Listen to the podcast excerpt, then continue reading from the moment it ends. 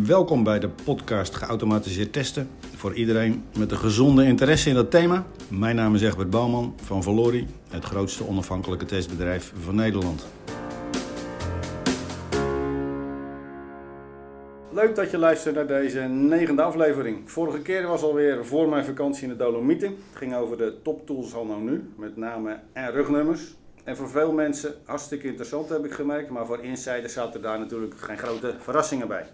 Nou, deze aflevering gaat ook over een tool, maar wordt wel verrassend, denk ik. We gaan het hebben over een hele speciale tool, soort van tool. Sapiens, met een Z, van Facebook.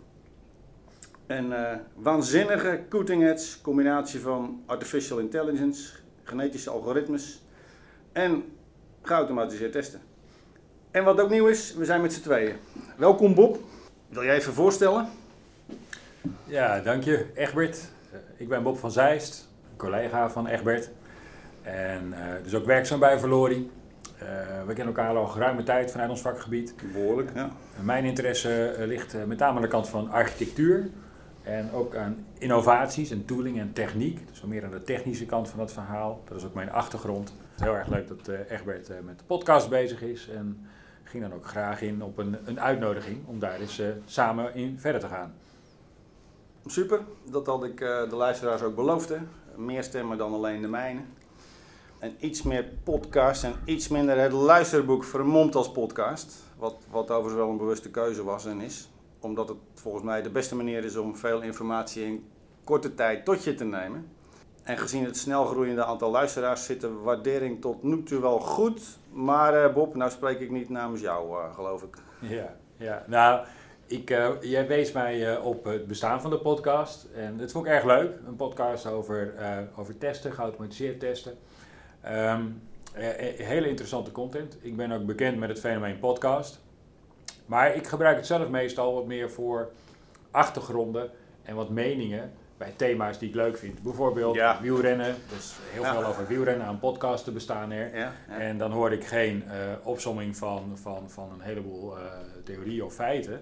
Maar juist mensen die met elkaar in discussie gaan over het topic. Ja. En dat maakt een podcast voor mij heel vermakelijk om, om te luisteren. Ik vind het leuk, alsof je bij een gesprek aanschuift. Ja, ja, ja, ja. En uh, wat ik je aangaf, is ik vond je podcast die ik gehoord heb heel interessant in informatie. Maar nu nog kunnen we kijken of we misschien iets kunnen combineren en wat discussie over een onderwerp kunnen krijgen. Ja.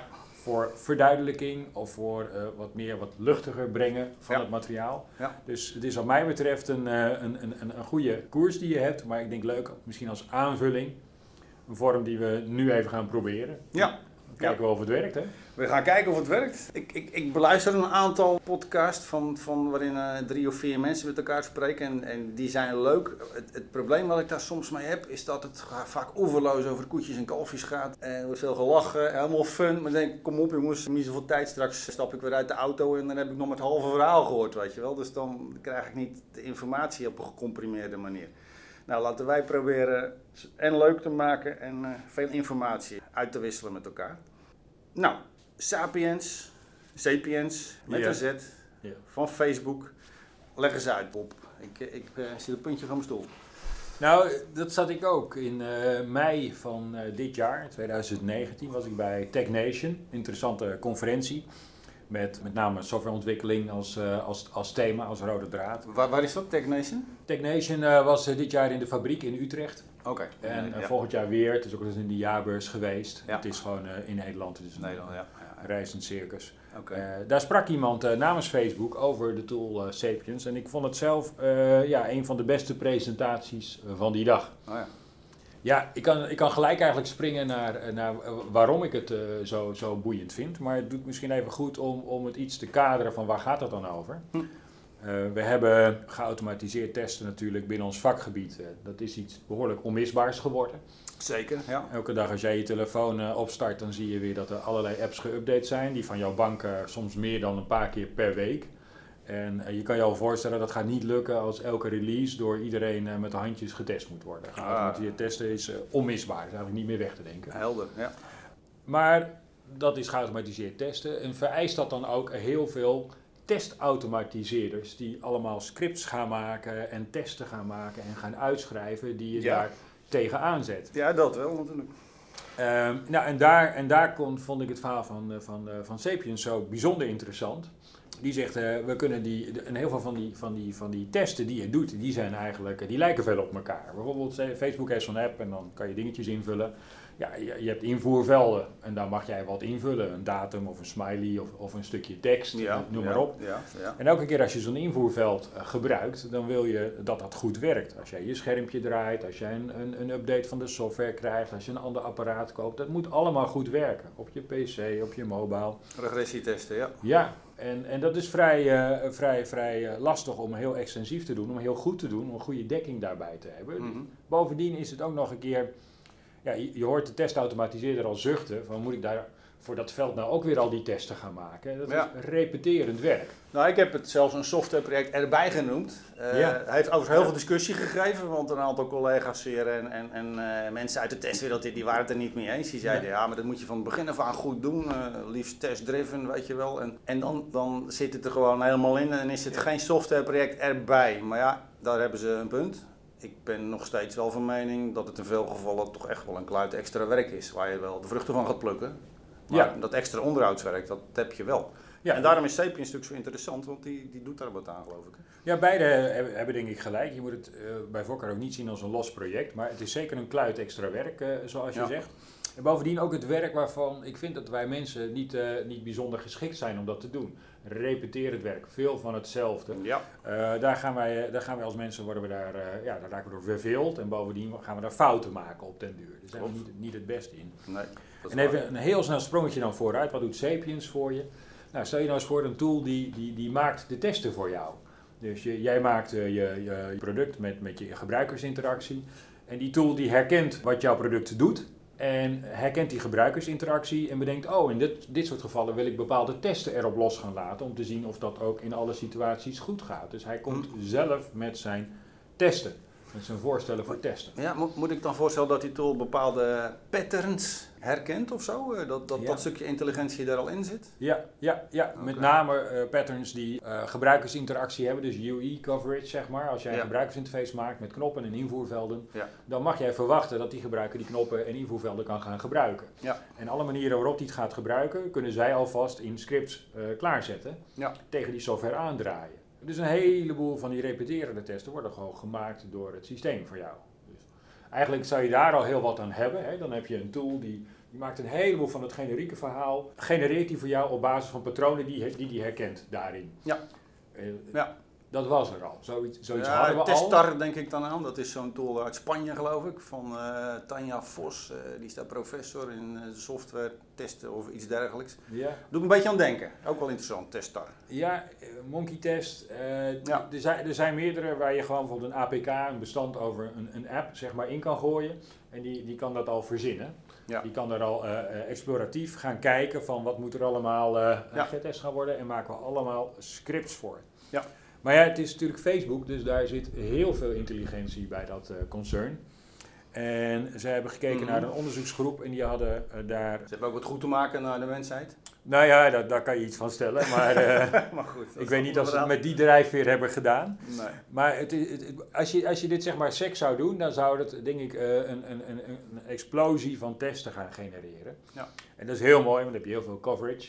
Netjes denk je dan, hartstikke Maar goed. zelfs geautomatiseerd gaat het te lang duren. Ja, Die het, het is ook niet, explosie. Ja. het is ook niet per se waardevol. Ik denk dat het belangrijk wordt om daarin Ja. te gaan selecteren. Ja, Want ja, waar ben je nou naar eigenlijk op zoek?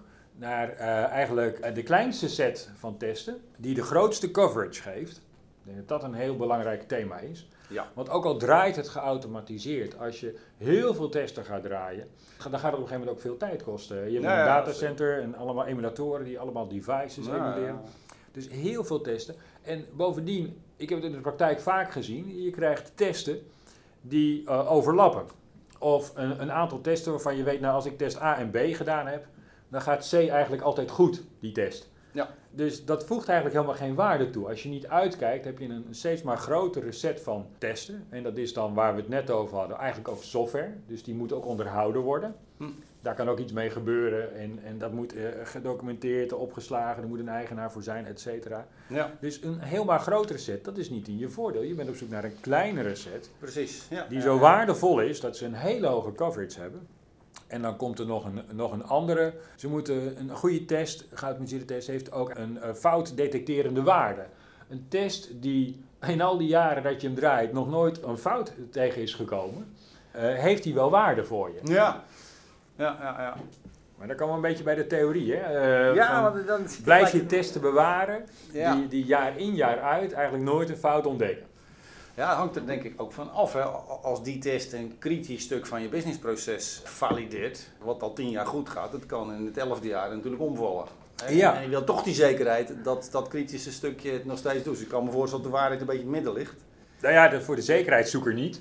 Maar voor de, als je kijkt naar wat, zijn nou, wat is een efficiënte set van testen, dan moet je eigenlijk goede testen hebben die eenmaal uh, zeg maar, uh, fout in het product opspoort.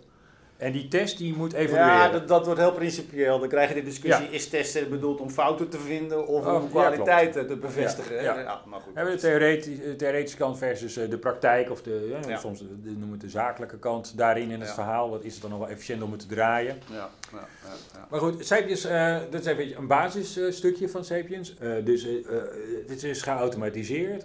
we voegen wat intelligentie toe. We gaan zorgen dat alleen de testen gaan overleven waar we veel aan hebben. Ja. En uh, toen was ik helemaal op het puntje van mijn stoel. Ze hebben het mooi geïntegreerd in een, in een continuous integration, continuous delivery aanpak. In dat opzicht, dat op het moment dat jij als ontwikkelaar een stukje code toevoegt, ja.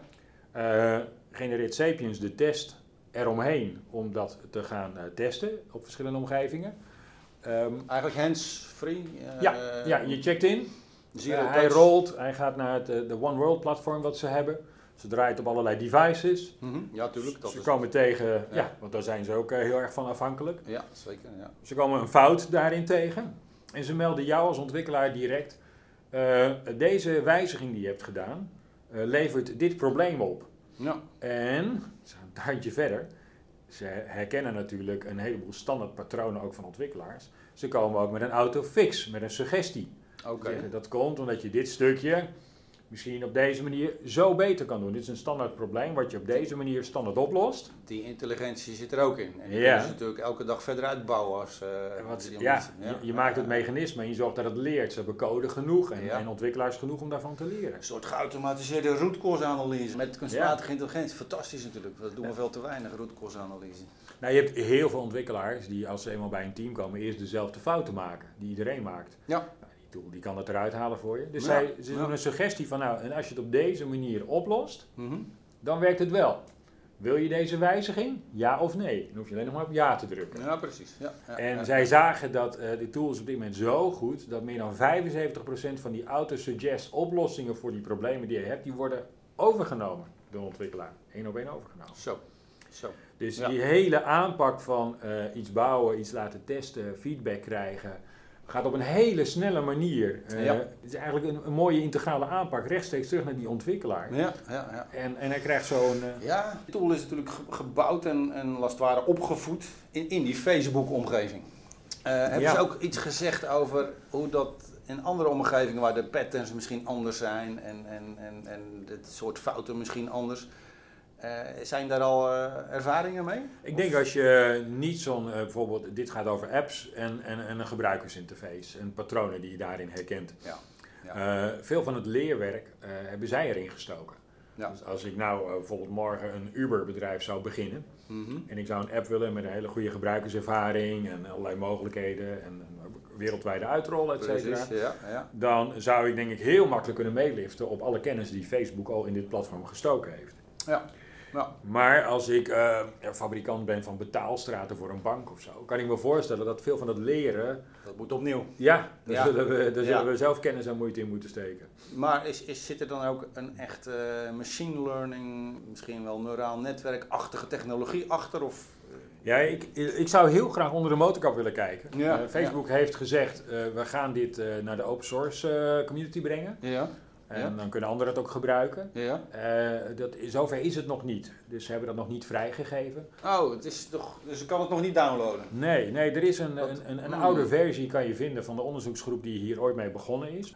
Dat wat ze online hebben staan, dat is een abandoned project. Dus ze hebben een stukje software van Sapiens eh, online staan. Ja. Maar daar staat ook bij, dat is voor onderzoeksdoeleinden. En daar is niet dat verfijnde stuk waar ze nu mee bezig zijn, dat zit daar nog niet in. Oké. Ik kan me ook wel voorstellen dat Facebook eerder denkt straks aan een offering waarin ze dit aanbieden. Ja. Inclusief die hele wereld van de, de fix en de emulator, eh, emulatoren van alle, alle, alle devices en dergelijke. Ja, ja, ja. Want dan breng je echt een heel mooi integraal platform voor ontwikkeling. Precies, ja, ja. Dat hebben ze ook echt als intentie uitgesproken. Dat ze het echt aan de wereld gaan weggeven. Ja, Ja, ik eh, was daarbij in mei. Ik heb dat heel erg eh, duidelijk gehoord. En het staat Ja. ook in een paar publicaties die er over Sapiens zijn.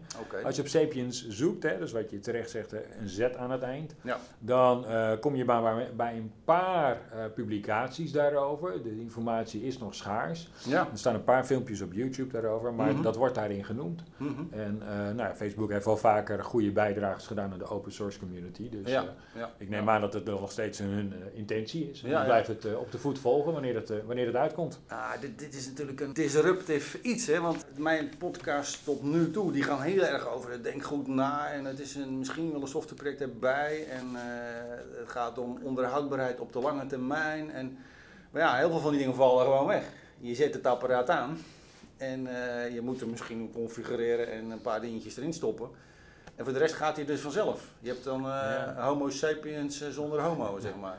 Nou, het is een die tooling voor jouw ontwikkelstraat eh, waar je goed mee moet kunnen omgaan. Ik denk dat het veel eisen stelt aan de mensen die in jouw team zitten. Ja, De ja. eh, losse functionaris testautomatiseerder, ja, ik denk niet Scripter. dat scripter of zo, dat gaan we in dit verhaal niet zien. Ik denk dat je een nee. highly skilled team nodig hebt, die met dit hoogwaardige gereedschap, goed Ja. op elkaar ingespeeld, Ja. en, en zowel de, de functionele kant kan doen, als kan kijken van waar komen die testen mee terug met, met de resultaten Ja. en Ja. aanpassingen daarop. Hè. Je hebt een soort eh, AI-trainer nodig of zo, die het systeem leert te leren en goede inputs biedt. En, Ja, weet ik eigenlijk niet of dat een losse rol is. Of dat hij dat leert op basis van hoeveel van mijn suggesties die ik doe, worden eigenlijk overgenomen. En Ja. telkens als ik dit soort suggesties doe van je mag het op deze manier opschrijven, wordt die afgewezen. Ik denk dat het systeem dat prima zelf van kan leren. ja, Ehm, ja, dus, dus, dus ik denk eh, dat eh, de testautomatiseerder in zo'n team,